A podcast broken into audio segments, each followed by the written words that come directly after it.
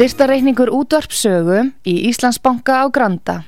Útubú 513, höfubók 26, reikningur 2.11.11. Nánari upplýsingar á útvarpsaga.is. Takk fyrir stöðningin.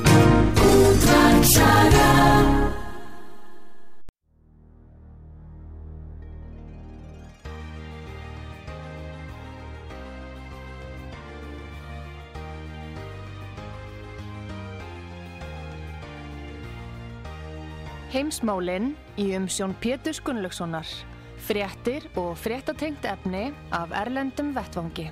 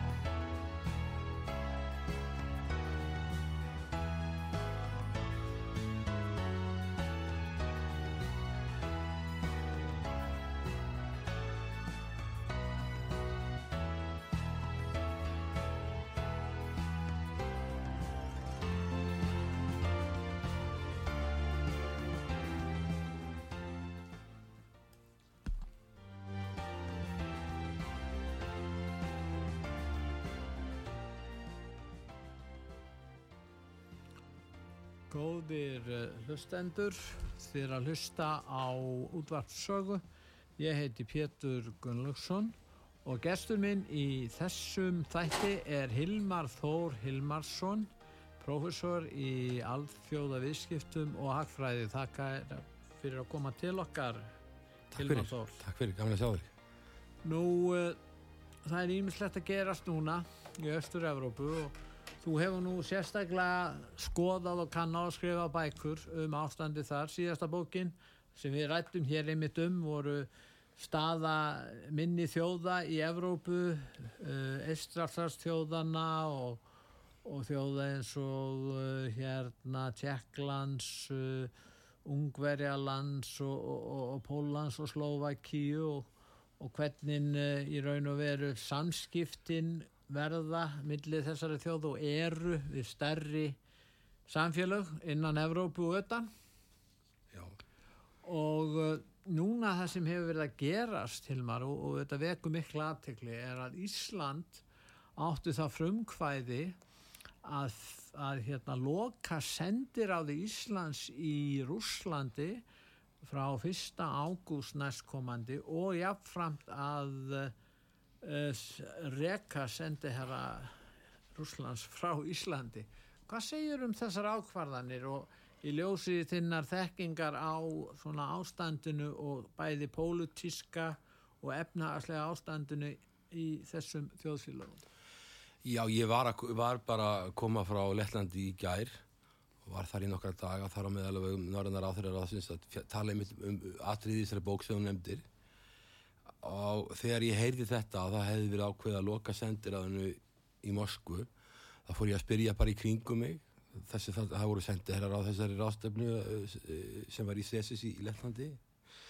Og þá var mér sagt að þeir og, og við vitum eins og við höfum talað um að fyrir samtölum að þá er það, það þannig að, að Íslandsvöldingin hafa, Ísland, Lettland og Ítland hafa verið með mjög harða stemningu á Rúslandi og sem ásið sögulega skýringar og það er mikið vantrust þarna á milli.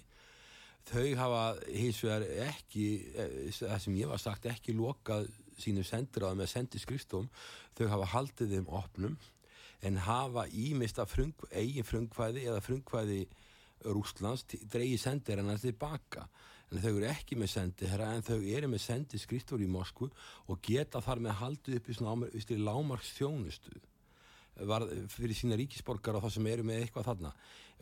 En, en, og, það vekur aðtikli að Íslands skuli skera svo mér skilst líka að Norðurlöndin séu með sendir á þau, mér skilst að ja, Svíþjóð sem nýbúna uh, hérna skipa nýja sendera í Moskvu fyrir sitt sendir á þannig að Ísland verið að, vera á eitthvað allt annari blaðsíðu heldur en önnu lönd ég hefði haldið það þegar Ísland er að taka svona mikilvægur ákvarðin eins og þetta að, að hérna að svona ákvarðin að Ísland er smá ríki að við erum í þessu norræna samstarfi og við tækjum slíkar ákvarðin ekki... Já, með, með norrænu löndunum. Já, með norrænu löndunum og reyndar með Íslandsastríkjunum, við erum í norrænu löndunum, þá, þá erum við fimm og svo eru þessa NB8 sem er, þá eru Íslandsastríkjum komið með.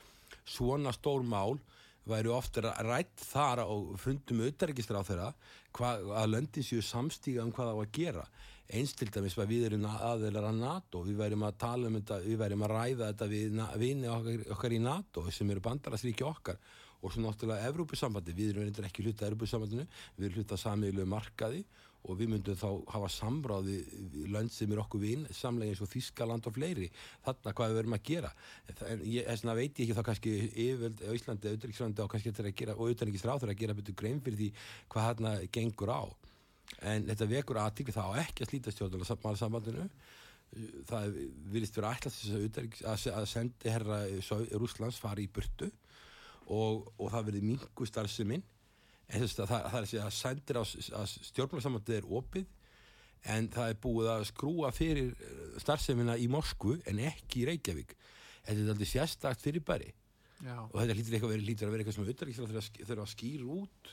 Þetta getur líka bitna á Íslandum ríkisborgunum sem þurfa að vera í framtíðin í einhvern samskiptið úr Úsland hvernig það verður því að þó að stafans í slæm í dag, hún er slæm í dag í samskiptið þjóðana þá er, er, verður það ekkert endilega um eilíð við, við höfum lengst að verið í góðum samskiptið með Úsland áttum við miklu Putin verður nú ekki eilíð Nei, ég meina, ég, hann, á einhverjum ástæðum mun hann hætta hvernig sem já, það verður. já. hvernig sem að, mun það mun bera að, það mun gerast.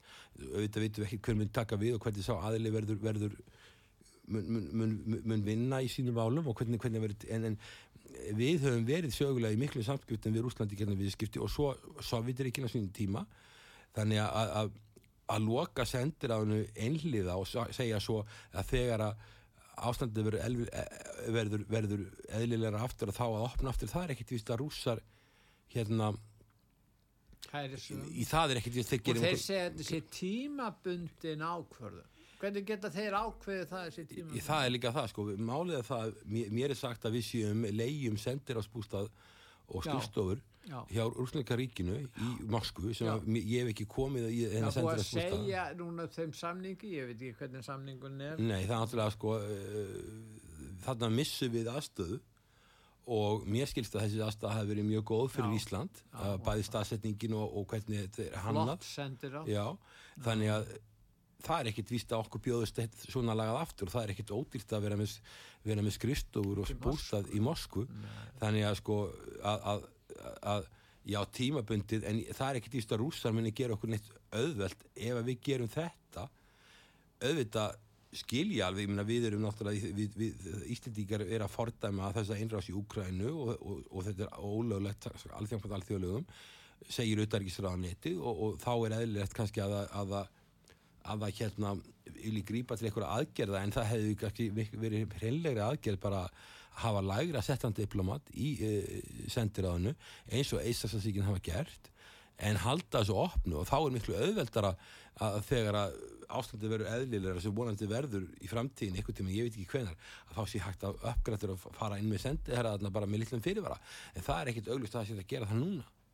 En nú er það þannig að hers, ef við getum talað um herskáust ríkin gagvart Úkrænu, þau ríki sem hafa verið ákveðin verið með ákveðina stefnu og, og markmið og sent uh, hlutvarslega hæstu upphæðirnar, það er náttúrulega bandaríki Norður Ameríku, það eru breytarnir, sérstaklega stjórn Boris Johnson sem er reyndar hættur, við veitum hvort það verður nokkuð breyting eftir að hann fer, sennileg ekki, og síðan er það Póland, Póland er náttúrulega í sérstaklega stöðu út af samskiptu við Rúsland og öll þessi ríki eru í stjórnmálasambandi við, við, við, við hérna Rúsland öll þessi ríki hérna eru með sendaherra í Rúslandi og hafa opið sendur á þjá sér. Er það rétt?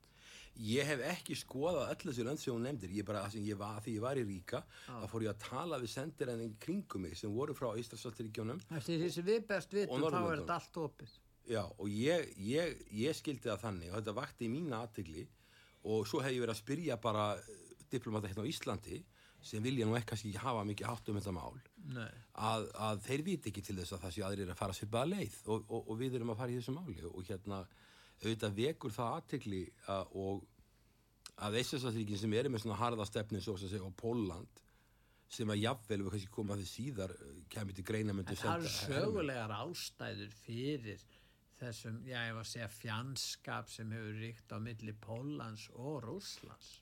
Já, og milli Póllands og Þískalands líka, sko, það er nú ekki Já. bara líka það. Já, Eh, en það er náttúrulega sérstaklega. Út af öðru, jú. Pólverið er að gera orðnir kröfur á Þíska. Innan, í dag. innan Europasambandsins og NATO, en, en, en þjóð, eh, nú, nú er þetta sjörðvöldi í Pólland, eru núna að gera gríðarlega bótakröfur á, á Pólland, það eru ykkur að triljónir, en allavega, sko, er það þannig, já, eins og þú segir, sögulega þannig að Sovjetríkin skipti Pólland, þjóðverið skipti Pólland á milli sinni tíma, Já. og svo tóku svo náttúrulega tók uh, Rússland, þess að Sovjetríkin tóku þess að ríkin og fluttu inn rússa og fluttu út fólk sumt að besta á og besta fólkinu sem að þeir áttu í þess ríkunum til Sýberíu og margt að því fólk hvar bara. og Já, og að drepin í Katífskógi og Já, fleiri svona. þannig að þetta er alveg svakaleg saga og það er ekkit skrítið þó að, að, að, að það sé heiftan á milli við, við, við, við höfum erfitt með að setja okkur inn í þetta ekki Alveg eins og það er heift á milli Úkræn og Rússlands já það, já, það er heift á frá milli Stalin tímabinnu það er sérstaklega. svona russification sem er, var hann í gangi Já. og við vitum það að svona 25-30% það, það er svolítið á reiki hvernig f- hvernig þú, þú talar um rússa í þessu löndu hvað þú flokkar sem er rússa, sem talar Já. rússa sem eru fættilar, þeir sem eru, eru ég meina þeir, þeir sem eru svona er svona hvernig þú, hvernig þú skilgreinir það, en það er náttúrulega gríðalegu fjöldi rússa ennþá í þessu löndum og, og mikið spenna. Og en ég, þessi lönd uh, Íslandsríkin og Póland og svo Bretland eins og að nefna á hann sem náttúrulega er, er já, land sem að eru með þau, hörðu stefnu og Úkræna eigi að vinna stríðið hann, Boris Johnson, hann var mjög ákveðin í þessu máli. Ég held að hann hefði átt stóran þátt í því að, að breyta tóku svona harða afstöð í málunum. það er sagt að Ég held að hann hefði kannski verið að leika uh, lítinn Winston Churchill sem hann hefur Ég, þeir hafa, já, sko á. uh, uh, Selenski hefur nú verið líkt við Winston Churchill Já, af þessum aðlum, bæði bandaríkjunum og svo held ég Boris Johnson já. Og uh, það, það gengur svo saga að Selenski hafi í mars í fyrra, svona, í mars cirka svona í fyrra, mars-april verið að hugsa um að semja við rúsa um eitthvað, eitthvað meiri sjálfstjórn á þessum Já. svæðum sem að núna heyra undir Ísland. Eftir innrásina. En þá hafi honum verið sagt að hann þurfti ekki að semja því hann geti unni stríðið. Mm. og þá hefði kannski verið lausnið svo að þessi svæði í austri myndu til og krímskæði myndu tilhera Úkrænu, verið innan landamærana þetta er eitthvað svona, svona federal state þar sem að þessi svæði fengi meiri sjálfstjórn Já. þar sem rússar eru í meiri hluta Já. og það er alveg ljóst að rússar eru að reyna að taka þau svæði þar sem þeir eru í Já. það er, ég held því mjög hæpi að þeir myndir reyna að fara inn á vestur, í vestur hlutan þar sem ókrænumenn eru í miklu meiri hluta það verður bara allt og erfitt fyrir þá. Það myndi ekki ráða við það. En hvað finnst þér um þessa fullirðingu sem heyrist víða? Að ef að rússarnir er ekki stöðvaðir þarna og helst reknir af landsvæðu úkrænumanna og reynlega hérna sigraðir í þessum átökum, þá munu þeir snúa sér á öðrum ríkjum og ráðast jafnvel inn í Vestur-Evrópu og inn í NATO-ríki. Þetta finnst manni svolítið, sko þetta er fullirðingin sem á að réttlæta það að það þýðir ekkert að gera neina fríðarsamninga við rúsa. Já, það, náttúrulega það er, engi leið að vita hvað, þetta er nú eitt af þessum vandamálum í samskiptum, alþjóðsamskiptum, að þú veist aldrei hvað anstæðingurinn er að hugsa og þú kemst aldrei inn í höfuð og anstæðingurinn þar alveg saman hvað þú gerir. Hvað er var Pútins raunverulega að hugsa? En ef þú skoðar hvað hann hefur gert eftir að Sovjetríkin fjallu, hann var fósitt árið 2000, mm. hann er búin að vera núna í 2023 ári, eitthvað svolítið, já, að reyndar ekki fósitt því að var, það var hann var hann á tímabili Medvedev sem, sem var hann á millitíni, þetta er að nálgast 20 ári, 20 ári á honum í cirka. Hann var umbóðsmaður hans. Já, hann var, hann var hann, þetta var stjórnarskrarmál sko, hann, hann gæti ekki verið lengur já. og þá skipta hann út, þetta var talið svona samning, samningar sem þeir gerðu að skipta, að því að hvað hann er að hugsa, en allavega sko það sem hefur gerst frá því að Sovjetríki fjallu er það að NATO hefur stækkað með eitthvað 15 lönd og Európa-sambandi eitthvað 13 lönd en að stækkun hefur öll verið í austur. Nú er ég ekki að segja að það er sambarlegt við að stækka NATO eða ESP stækk við sambarlegt og taka lönd með, með herna og með einrás sem er alltaf annan hlutur því þessi lönd að verða sækjast eftir aðild. En, en hérna það sem að hann tók hlut af Georgiu eitthvað tvö héruð og svo núna er búið að taka hluta á austurhluta Donbass og, og svæðin þarna og Krímskan og, og sennilegt að Putin vilji taka meira það sem er úsarýri meira hluta sem er Odessa og Kharkiv. Hann vilji mm. taka það áður en hann hættir ef hann getur. En að, það bendir fátt þess að, hann, að Putin sé að hugsa um að taka alla Úgræn en hann getur það ekki. En hann hafi ætlað að búa til ný Sovjetríki eða stækkar Úslandu mörg lönd. Mér finnst það að vera eiginlega fjartæðukent hann sagði eitthvað á þá leið eitthvað tímaðan Putin, hann sagði eitthvað á þá leið að svo sem að saknaði ekki Sovjetiríkina hefði ekkert hjarta en svo sem vildi endur þess að Sovjetiríkina hefði engan heila. Mm. þannig hann sagði þetta en hvað hann er að hugsa og þannig að þeir sem að halda það að hann alltaf endur þess að Sovjetiríkin eða búa til Rúsland með mörgum löndum til dæmis fyrir um Sovjetiríkinu þetta fyrir 15 lífveldi Sovjetiríkin eitt þeirra og svo öll leppríkin mm. að ná þeim öllum undir sig aftur með, þegar NATO eru svona upplugt og þetta er svona ríklönd í Evrópu sem það þarf að kljást við og svo bandaríkinn það er mjög langsótt. Þannig að sko hann sé svo veruleika fyrst en hann haldi það ég, ég á erfitt með að trúa því. En, en það getur ímyndilegt gert tökum Kvítarúsland sem dæmi. Að ef að hérna einhverju næðu völdum í Kvítarúslandi sem að rússar ætti eftir erfitt með að sætta sig við þá eru sko austur landamæri úr Kvítarúslands er það stutt leið frá austur landamærinu til Moskva það er örstutt Já, ég, náttúrulega núna er Lukashenko, hann er náttúrulega eins og þú veist Já, hann, hann verður ekki deilifur þarna heldur. Nei, það er alveg rétt, en, en ég þóri ekki að spá um það, ég meina Ég hann... meina, það er miklu meira viðkvæmara mál heldur en ég hafði Úkræna Já, það er mjög örgla, mjög viðkvæmt mál og það er bara allt, allt sem að þeirra stórveldi er komið nálagt öðru stórveldi þá ertu mjög viðkvæmum málum. Sögulega segja rússarnir að þessi svæði hafi bjargað okkur gagvart Napoleon og gagvart Hitler og þetta er bara varnir okkar eru þessi stóru landsvæði Úkræna og Kvítarúsland Já, þetta er kallað buffer state eigi að vera eitthvað löndað á milli Já. stórveldana Já. en núna þegar að bú, úr Rúslandi eru búið að innleima hann að hluta af, af Úkrænu, stóran hluta 120.000 verkilometra og allar ekkert að sleppa því og vill ná meiru og sá hluti sem þeir ná, það verður bara verða munur Rúsa segja þessi landamæri Rúslands og þeir ætla ekki að sleppa því.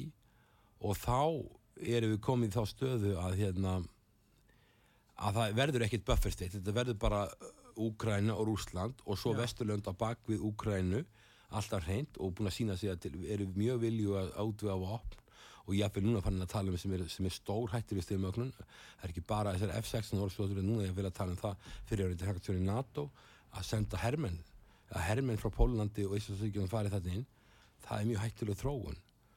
En það hefur orðið breyting. Fyrst sagðu þeir við sendum ekki eldflögar hérna inn. Nú hef, hef, hafa þær gert að einhverju leiti þeir sagðu við sendum ekki F-15 inn. Nú hafa þeir verið sendir inn. Það er ekki við, að það er- er er verið að þjálfa fl- flugmenn á það. Já, en það er verið að því, Það það, þarf að þjálfa, Já. þannig að, að í raun og veru þá er uh, þristingur á Vesturland að koma betur til móts við kröfur Úkrænu um vopnasendingar. Já, og það, er að gerast. Já, sko málið er þannig að það að þetta er svo ofta auja bleikur þegar Úkræna stríði er aðeins í Úkræna þá er Úkræna 41 miljón manna Já, og rússar eru 145 já, og núna er þetta orðið þannig að það er svona 33 miljónir kannski eftir í Úkrænu fyrir 3 miljónir flúðu til Rússlands 5 flúðu til Vesturlanda. Já, og hlutfalli var 1 Úkrænum var átið 3,5 rússum. Já. núna er það 1 náttúrulega 4,5 þetta er óbáslega ója bleikur já, þar bætist ofan á að að, að hérna vopnin sem að Sovjetíkin áttu já, fóru að mestu leiti til Rússlands og það var að frumkvæði Vesturlanda. Öll kjartungavopn urða að fara til Rússlands. Það var að frung, algjörlega frumkvæði bandaríkjana bretta með Budapest samkomuleginu og svo er líka hefbundin vopna miklu leiti til og með frá Íslandsallíkjana fóru til Rússlands. Þetta var nú ekki mikið framsýni þarna í þessu og, og þannig að það, það virðist vera að rússa standi sig standi vel varðandi vopnabyrði. Þannig að vei, ég veit að ég veit ekki hvernig það er það, það bendir margt til þess. Þeir eru bara í dag og í gerð þeir eru endalast að gera loftar á sér á, á Úkrænu En með við þessa stöð eins og lýsir henni varðandi hlutföllin þá eru líkurnar á því að Úkraina geti sigra rússana. Margir myndi segja að væri ekki það væri ekki miklu möguleikar að þeir gætu rekið rússana frá Krímskaga frá herstöðinni Hafnaborginni þar og, og náð, náð aftur austurhluta Nei, það, það ég held að sé það, það, það virðist ekki vera mikla líkur á því og það, þeir, fengu þessi hæmarskerfi það verið svona, svo fengur svo hafi verið að fá eldflögar frá Breitlandi þeir fengu svo skriðdrega frá nokkur löndum þeir hafi verið að fá vopnasendingar og núna hefur verið að þjálfa flugmenna eins og varst að benda á AF-16 ársóknar sem hefur komið í snæði fyrir MIG þóttunar sem þeir eru með í dag. Að vesturöndur er alltaf að bæta í og náttúrulega af því Ókræn hefur fengið mikið á opnu þá hefur hann getað staðið í rúsum og rúsar hafa ekki komist eins langt eins og þau myndu vilja. Þau myndu vilja taka öll héröðin það sem að rúsar eru meiri hluti og þar meðal Odessa borgina til dæmis og Kharkiv, gamlega höfuborg Úkrænu að, að þeir hafa ekki hérna komist í það. En aftur á móti hafa Úkræn minn ekki náða að reykja rúsa að landamærunum aftur. Og svo er verið að tala um þetta counter offensive eða Já, gagnárás þessi gagnárás, ég meina, nú var henni því líst yfir núna bara um helgina hún væri hafin. Já, það er verið, já, já, og- en það er hins vegar mjög takmarkaða fréttir af henni. Og svo er þetta alltaf sérstætt því að við vitum þá á vorin þá eru svona leysingar jarðvegurinn er blöytur í Úkrænu og þeir eru með skriðdrega sem eru 60 tonn og, og svo er alltaf verið að segja Nei, það er þessi Leopold, uh, þeir eru það eru, það eru þýskir leppard og það eru breskir skriðdregar og það eru bandarískir bandarísku ennþá þingri held ég, það eru 60-65 tonn. Og, og þessi tæki ef að þú keirið átti vegakerfinu sem er þekkt og kortlagt þá er þeir í hættu vegna þess að það er auðvitað að skjóta sprengja á í loftu eins og gert var þegar rúsa gerði upprúðum innrásina þá var þetta það var þetta ráðast á þetta bara skjóta þetta bara í hvernig aftur öðrum Já. þetta var bara sk- þekktar stærðir hver þetta var en, en, en þeir verða að fara á trónaslóðir. þá. þeir verða að fara einhvers staðar sem er í skjóli en, og út fyrir hefðbundna vegi og vegakerfi sem er kortlagt en ef þú ert með 60 tóna st- stálhlung þá er hann, fer hann mjög hægt og kannski bara sekkur sem staðar þannig að það er eitt af því sem hefur verið þeirra býð eftir að þotni en þetta var svo sem alveg fyrirsjánlegt að auðvitað vita alveg úkrænum en að það, það á, á, á vorin þá er jarðvegurinn blöytur og þeir hafa ekkert verið að fá þau vopn sem þeir vilja. Þeir þurfa við það sem, sem er kallað á ennsku allt til eru þeir eru að vilja fá skotvopn. Þeir vilja geta skotið og mikill í fjarlægð á rússana en þeir eru bara að fá ekki þessi vopn þau eru bara þau eru valla til lengur á vesturlöndum hins vegar virðast rússar eiga, eiga tölvöld mikið vopnum fyrir utan þess að dróna sem þeir eru að fara að fá frá Írak því þeir eru að gera stöða loftar á sér ógrænu sem er alveg hörmulegar Góðir uh, hlustendur, er að hlusta á útvarp sögu. Ég heiti Pétur Gunnlaugsson og símin hjá okkur. Uh, við erum ekki með opið síma núna, en ég er að ræða við hann Hilmar Þór Hilmarsson, prófessor eh, í alþjóða viðskiptum og hagfræði við Háskólan á Akureyri og eh, við ætlum að halda umræðin áfram eftir auðlýsingarlið.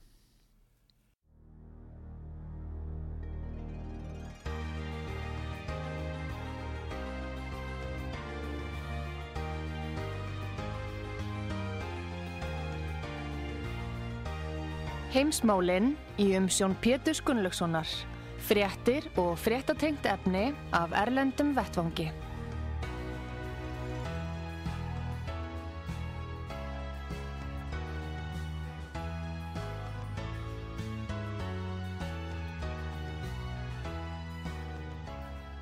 Góðir eh, hlustendur, þér að hlusta á útvarpsögu. Ég heiti Pétur Gunnlaugsson og gestur minn í þessum þætti er Hilmar Þór Hilmarsson, professor í alþjóðuðskiptum og hagfræði við Háskólan á Akureyri.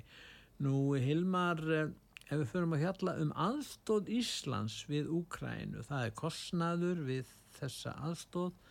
Hún er nú talsvert, já hún er umfangsmikil og það var hérna fundur um daginn með um, leiðtóafundur hér á Ísland í hörpunni og hann kostaði nú, uh, sagt að hann hefði kostað 2 miljardar menn segja upp að þessi talsvert herri og það er búið að lofa vantanleg sjúkrahúsi færanleg og ímislegt síðan er búin að senda hefur hafi verið sendið miklu fjármunum 2,5 miljardur í fyrra og annað eins í ár segja þér. Hvað segir þú þetta?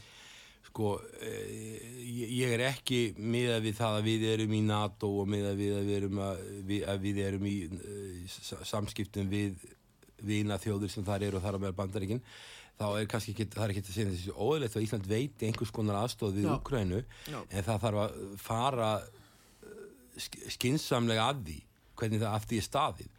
Þú nefndi fyrst að Evrópu þarna ráðsfundin þarna tveiri miljardar mér grunar það að þeim hafi ekki þótt vera fors því að Evrópuráðið fjallar aðalögum líðræði og mannréttindi og eitthvað sem er ekki að vera að halda fund upp á 2 miljardar til þess að staðfesta þessi lönnsju ennþá líðræðisríki og, og hérna og uh, uh, Saminu krafta sína gegn útfæðin Já, það er svona það er svona hálgir kæft að samkoma þá hafa þeir farið í að taka sann þessu tjónaskrá, ég skoða en það er svona smá einblaðs í eitthvað annex við þessar Reykjavík Declaration sem er mjög óljós sko, hvernig verðum þessu tjónaskrá.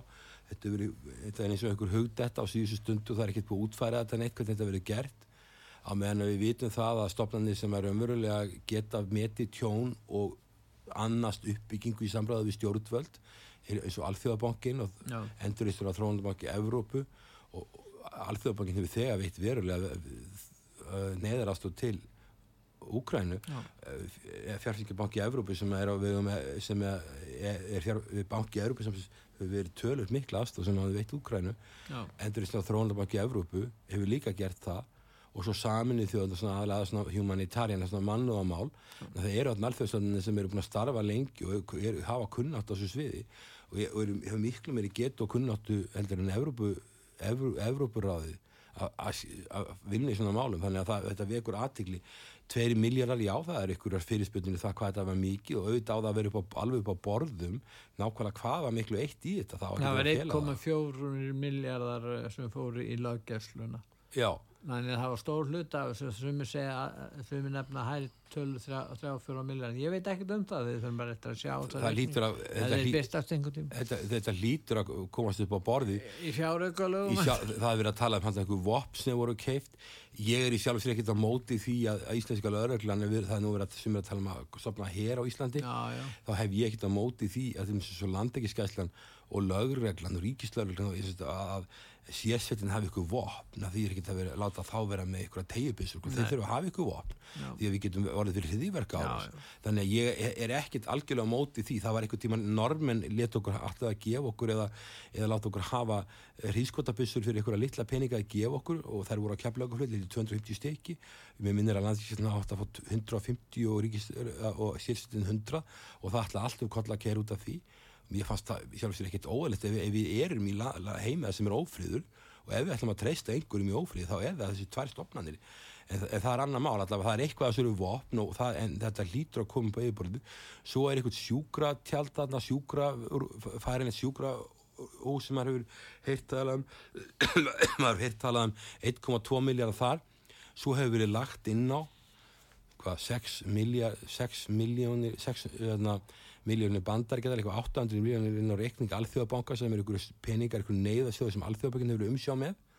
Gallin við það er sennilega að Íslandingar koma kannski ekki af því hvernig að því verður varið aðstof frá alþjóðabankanum til Úkrænu, það er verið að leggja inn frá íslensku stjórnvöldum. Síðan koma ekkur í tíu ólíubílar sem er að heyra, en svo veit maður ekki það sem gallinni sem finnst mér Pétur er það við, við höfum enga yfirsinn yfir þetta. Þetta er svolítið tilvílinlega, það kemur, kom ekkur að fréttir um ykkur að tölur, oft tengjast þær ferðum ráðamanna. En líklegt að ríkisendur skoðun kíkja á þetta? Er að ríkisendur skoðun á að fylgjast með Franklandavallinu. Jú. Og hún er náttúrulega, hún hef í umbúið alþingis, þú ert lögfræðingur. Hún á að fylgjast Já, með en Franklandavallinu. ég menna líkur á því að þeir fara eitthvað að skoða þetta? Ég, ég, það, það, það, er í, það, það ekki, ég, þú er eiginlega að spyrja þá að því og eða þingir, en allavega sko málið er það að það þarf gagsægi og það er mjög óheflegt að, að, að, að ráða með ráþeirar síðan að fara til Úkrænu og, og, og síðan undir einhverju pressi hvers skipti að lofa einhverju eða gera eitthvað sem er síðan ekki búið að kannski fer ekki gegnum ven, venjulega fjárlagagerð auðvitað þetta þú ert með fjárlækjar og neyðar aðstof, ég hef sjálfur verið með aðstof þegar, þegar ég var forman nefndað fyrir ríkstjórnuna í Bosni og Herzegovini stríði þar. Þá fórum við með, gegnum venjulegt fjárlega ferli og þá vorum við með mannúar aðstof það hafði þúsund manns sem aðstofum sem höfðu mist fætur í, í Bosni og Herzegovini og það var svona mannúar aðstof og hérna En nú eru, eru ráð þeirra nutaríkis og fósindisráð þeirra að fara með einhvern lofórðalista og hitta. Selinski. Er, er þetta eðlilega að þessu svona... Nei, mér finnst þetta sko, ég veit ekki hvað, hvað þarna, þeir geta ekki haft eitthvað aðra hagsmunni held, ég meina ég, hvaða hagsmunni eru þarna, ég meina ef við ætlum að veita Ókrænu aðstof sem við eigum að gera held ég, landið er, er, er stendur illa og, og, og vina þjóður okkar er að veita aðstof og við, ég tel að við eigum að aðstofa fólk sem verður fyrir hérna fólk sem hefur orðið fyrir miklu tjóni og er í, undir, nau- í nauðum statt en það þarf að vera það ákveðin svona yfirsýni í þessu og, og, og, og, og, og, og ofnbyr fjármála þurfa alltaf að lúta einhverjum ákveðnum reglum og það þarf að vera ákveðið gagsægi og mér mér- ég, hef enga yfirsýni við því hvað er að þarna. Nei. og hérna og, og, og það er þess að skyndi heimsóknir ráð þeirra að spila sig á alþjóða vettfangi þær er ekki tvolega heppilegar. Stjórnmálamenn hafa ekkit endilega sömu hagsmunni sem personur og svo þjóðin sjálf. Við náttúrulega viljum sem þjóð aðstofa aðstofa Úkrænu en gera þá skynsalagan hátt. Þetta er land sem hefur langa sögu um spillingu. Það er engin spurning með það það er, ekki, það er ekkit lindarmál þess vegna þarf að fara alltaf mjög varlega með allar, alla aðstof hvernig hún er að fara hún nýtist þeim sem raunverulega þurfa mest á þessu að halda.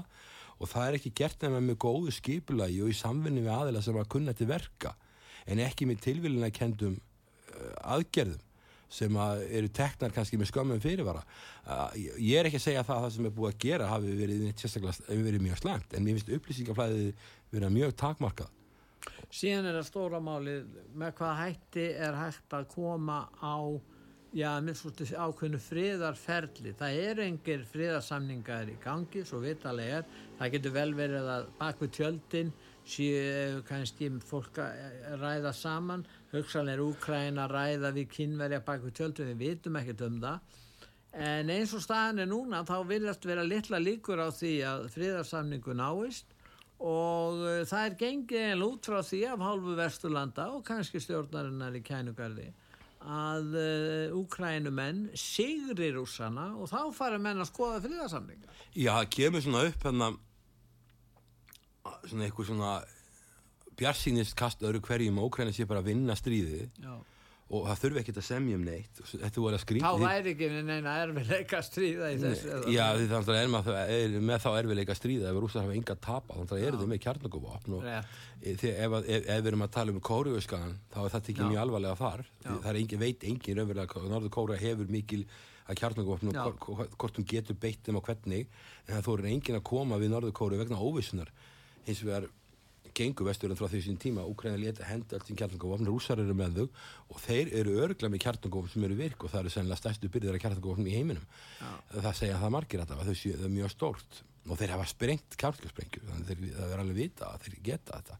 En það sem að það sem að þú nefnir kýmverjana sko kýmverjarnir um, eru ekkit hrifnir, kannski hrifnir að þessu stríði. Þeir vilja ekkit koma mikið nálægt en svo hafa þeir kannski alveg eh, ekkit endilega mikið pressa á þeim að, að leysa þetta mál á meðan að Ba- Bandaríkin og Evrópu er upptíkin í Evrópu í rugglinu þar, út á Úkrænu Já. þá fá þeir svolítið fríi í Asíu sko, því, að því Bandaríkin, Washington er bara með Já. leysigeislan á Úkrænu Já. og geta þess vegna ekki verið að uh, skipta sér eins mikið í Suðu Kína hafi og í Tævan og svona viðkvæmi svæðum í Asíu En það er annað með Kína kannski, Hilmar. Nú er það þannig að það eru ríki hérna, muslimaríki í miðausturlöndum sem eru áhrifasvæðið rússa. Og það eru Kísistan og fleiri sko þessi ríki.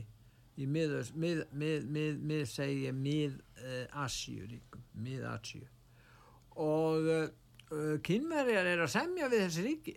Þeir eru að leggja þarna, það er belt og braut og þeir eru að, það er eins og kynverjar sé að sækja inn í ákveðin áhrifasvæði rússa í Asíu á sama tíma og Vesturlöndin er að gera það á vesturkantinum. Já, já, minna bandaríkjumenn eru búin að ná undir sig ríkustu löndunum í gerðnum G7 og kýmverðarnir er með breyk, svo eru komnið með það er Brasilia, Suður Afrika, Indland, Rúsland og Kína saman og, og svo eins og nefnir þessu lönd sem að þarna fyrir Sovjet líðveldi og svo Sáti Arabia og, og, og Ír, Íran og Argentina og Nigeria Venezuela núna verið að tala um það að vilja koma inn. Þannig að þarna er að, þeir eru að sapna lið og styrkja sína stöðu og eru með mikla fjárfestingar í þessu löndu sem þú mást að tala um sem vandar fjárfestingu. Og það líka, er ekki bara það sem, það sem þú nefnir en heldur líka eru búin að ná mjög sterkri stöðu í Suður Ameríkum sem að að bandaríkinn myndu ekki vilja. Brasili er komin formlega í breyks með Kína stærsta landið og næstasta landið. Ar og Argentina vil fara inn. Og þannig að þetta er, þetta er svona sko en varðandi samninga þá er kýmverið að koma með eitthvað svona al, mjög almenna hugmyndir sko. Ah. en, en það er eitur í beinum bandaríkina að, að kýmverið er að koma mikið að þessu. Og þannig að bandaríkin er náttúrulega ríki sem ræður langmest en ég lít bara ókrænum stríði sem er svona sideplay sko. Þetta eru átökmiðli stórvelda sem þetta er ægast stað. Mm. og ókrænir lendir hann á milli en ég sé hins vegar ekki fyrir mér sko að uh, það sé neitt samningar í, í kortunum Það er ekkert í kortunum nei, sem bendir til þess að vera sér að semja. Nei, það er, undra, það er umdelt eins og þú hefur nefnt á umdelt svæðin. Hvernig á að ná þessu svæðin tilbaka. Það er ekkert sem bendir til þess að það muni takast. Svo til viðbótar við það kemur hérna að staða Úkrænastríði loknu er, er óvisk hvort að verður ESC síðan er það áróðurinn Hilmar Já. í heiminum. Þar að segja að þeir sem að vilja frið þeir sem vilja að verði samið það litur svo að þeir séu með óbeinum hægt að styðja rússa því þá séu að verða réttlæta hérna, ofbeldis hérna, leið rússa inn í Úkrænu og hún muni skilaði með einhverju landsvæði Þa, það er þessi viðhald sem er svo útbreynd. Já, það er, það er, það er, sko, þetta er alveg ótrúlegt, sko, að það er, maður er að heita fólk sem eru aldrei komið til Úkrænu og veit lítið um uppbyggingastarfi í svona löndum eins og Úkrænu. Ég vann því alþjóðpáðum í 12 ár og ég tel mér að vita aðeins, sko, hvernig uppbygging á svona land, ég kom að, að koma aðstóða öðru mjög stríð þjóðlandi sem hefði verið stríðið 30 ár, Mosambík og svo Bosníu, Herzegovinu og fleiri löndum og Já. ég vann fyrir alþjóðpáðum í Vietnám Já. og tel mig vita eitthvað um svona, hvað hægt er að gera í löndum með hvernig aðstæðan er og hverju lönd hafa spila en fólk, það er mjög aðmarki sem maður vil ekki halda sig við en það staðreindir þetta er bara tilfinningaflaumur. Og maður sér á samfélagsmiðlum bara hreina svífirningar uh, það sem fólk er að svífirða eitthvað sem það þekkir ekki. Að tala um Putinist og allavega þetta er alveg skelvilegt hvernig þetta er allt saman og, og svo og meðan að ófríðurinn hefur verið þá er þetta gríðarlega mikla tjón sem engin veit hvernig á að bætu traustmiðli aðila ekki neitt þannig að að stríðið heldur áfram. Það er, er engin samningsflötur. Og svo það sem hún nefndir hann í loki þá sem hún var að segja á þann er það að nú er fyrirhandi frangastjóri í NATO og Andris Fokk Rasmussen fann að tala bara um það að, að Póland og hérna og Íslandsfíkin ef að Úkræna fari ekki inn í NATO hann er farin að vinna fyrir Selenski og maður veldi því fyrir sér sko ef, ef þú ert frangastur í NATO Já. með alla þær upplýsingar sem þú farið á 5 ára tímabili frá 2009-2014 og þú ert farin að vinna á yngamarkaði fyrir að vinna fyrir fósita Úkrænu Allbright gerði þetta og þetta er svona spurningin hvernig hva, hvernig svona stofnaði starfa og hvað svona samningar gera við sína aðila yeah. sem er að vinna þarna mm. en að tala um þetta þá ertu bara að fara að tala um heimstyrjöld. Þú þátt að annars komið við ef Úkræni komin í NATO þá NATO þá eru landamæri þeirra hana og svo opið stríð í gangi. Já. og þá er bara NATO komið í stríð. Ef þú sendir pólska og eist, her, hermið frá Íslandsvíkjanum hann inn og Rúsland myndi þá ráðast á Póland til dæmis þá ertu komin í, líka með heimstyrjöld. Þannig að maður er að furða sig á því sko, eins og þú varst að segja á þann sem ég, ég hef álíka velt fyrir mér að ef að þú talar um að semja um frið þá hlýtur þú bara að vera, vera bara að mála hjá rússum. En ef að þú talar um að, en ef að, þú talar um að sprengja jörðinni í loft upp með kjartokuvopnum þá ertu er er réttir lílju sko. En, en, en sko og þetta er frangatjóri NATO sem er að tala um þetta. Þetta er ekki ykkur almenni borgari skilur sko, Já, en Hilmar eh, styrjöldin hefur verið að stegmagnast það er farið að uh, sprengjur hafa lent á, á rúsnesku yfiráðsvæði uh, það menn getur svo sem deilt um það hverji standa bakvið þetta, það er verið að sprengja upp stíplur þarna, nú vissum vel um, um hérna í Estersaltunni hefur verið að olíulesunar sprengdar upp. Og þetta heldur áfram að stegmagnast Já. og auðvitað hlýtur svo spurninga vakna heldur þetta áfram að stigmagnast sem getur leitt til þess að við erum komin á ákveða hættusvið varðandi beitingu kjarnokuvapn og ef að við erum komin þangað þá náttúrulega erum við að tala um plánetuna og þó að það verði bara kjarnokustrild á afmörkuðum svæðum innan Evrópu til dæmis sem er náttúrulega hefði skelvilega áhrif þá myndi það geta reitt til eh, kjarnorku veturs og ég meina hér væri ekki, ekki takt að búa við, þá væri síðmenningin búin í raun og veru. Já, Við erum að tala um það. þetta er alveg förðulegt sko, þegar ég sá þetta ég meina maður hefur haft áhyggjur af því þegar það verður að senda svona mikið af vopnum og svo senda orðsins við viltum árásavopn því að það er talað um að Ukraina fá vopn til að verja sig.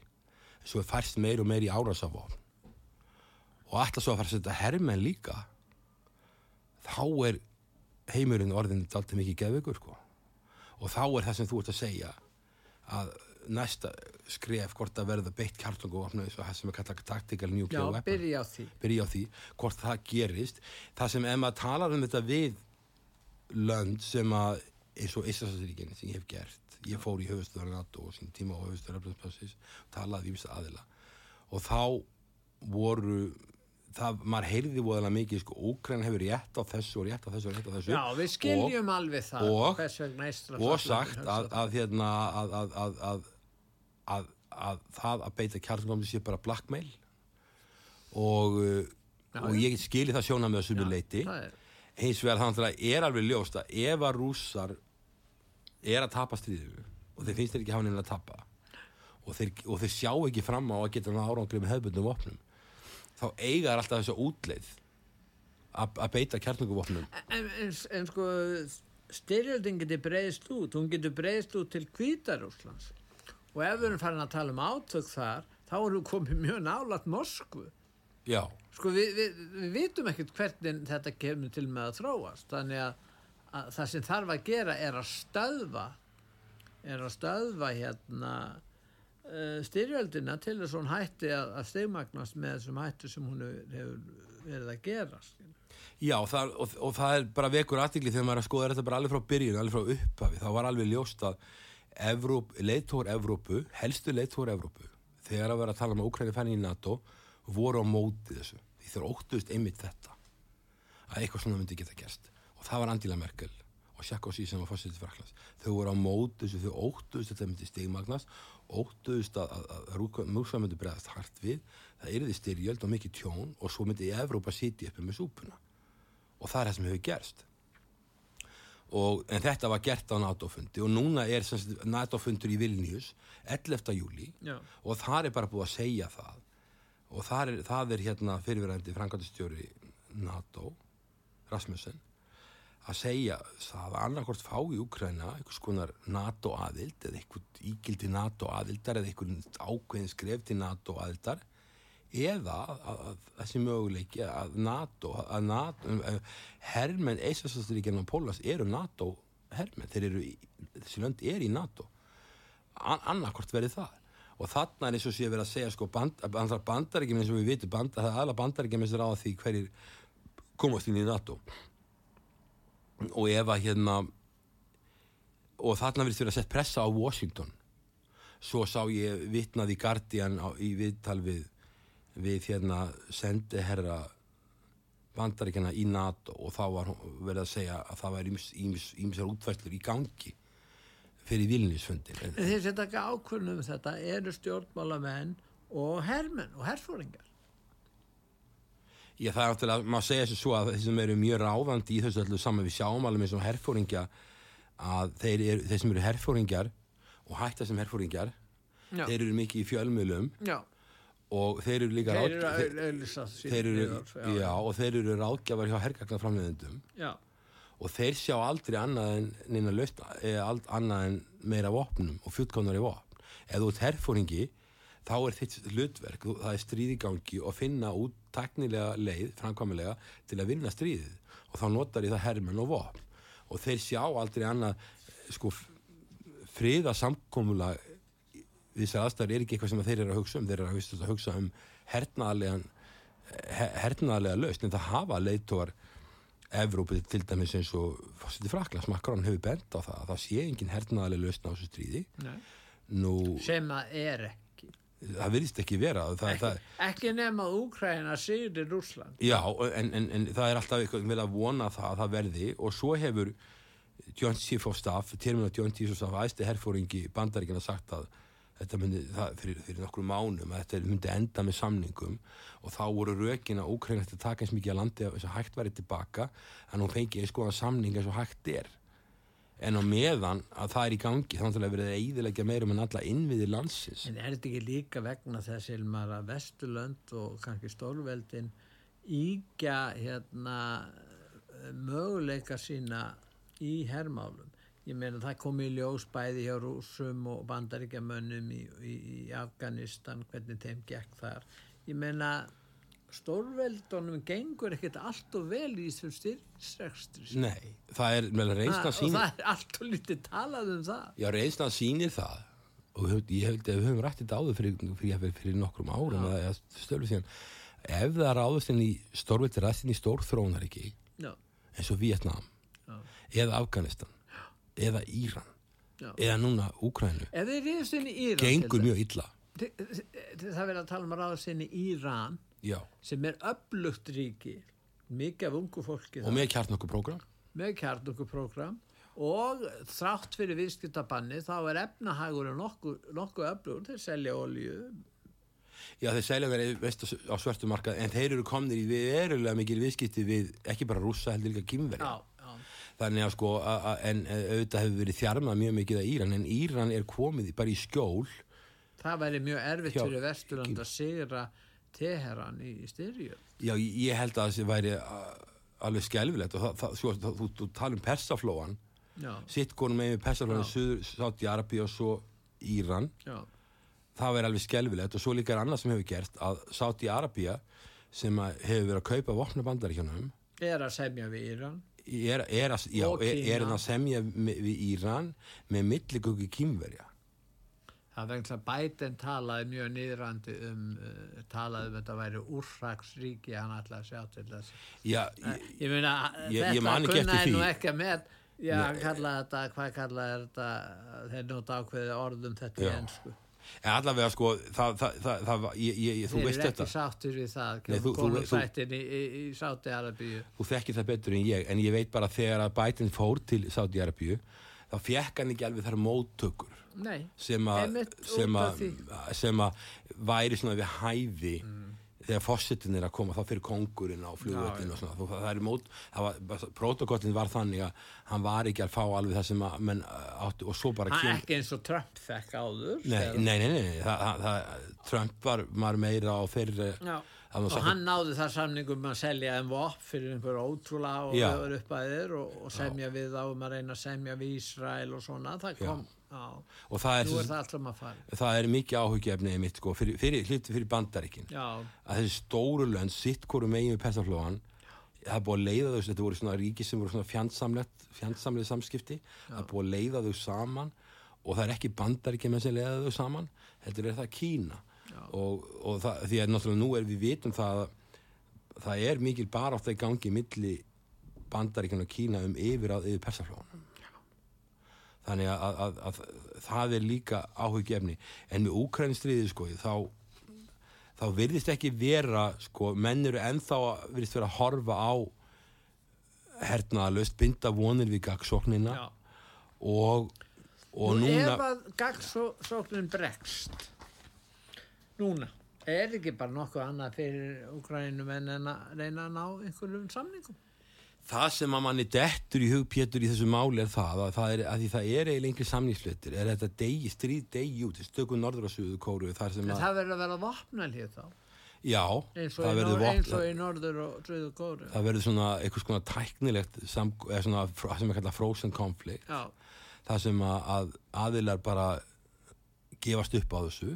Báðir uppgefnir á, ástandinu. Það bara- væri mjög erfitt í Evrópi, miðri Evrópi að hafa svona frosið ástand. Já, það er, þetta, er, þetta mál er allt mjög slemt fyrir Evrópu.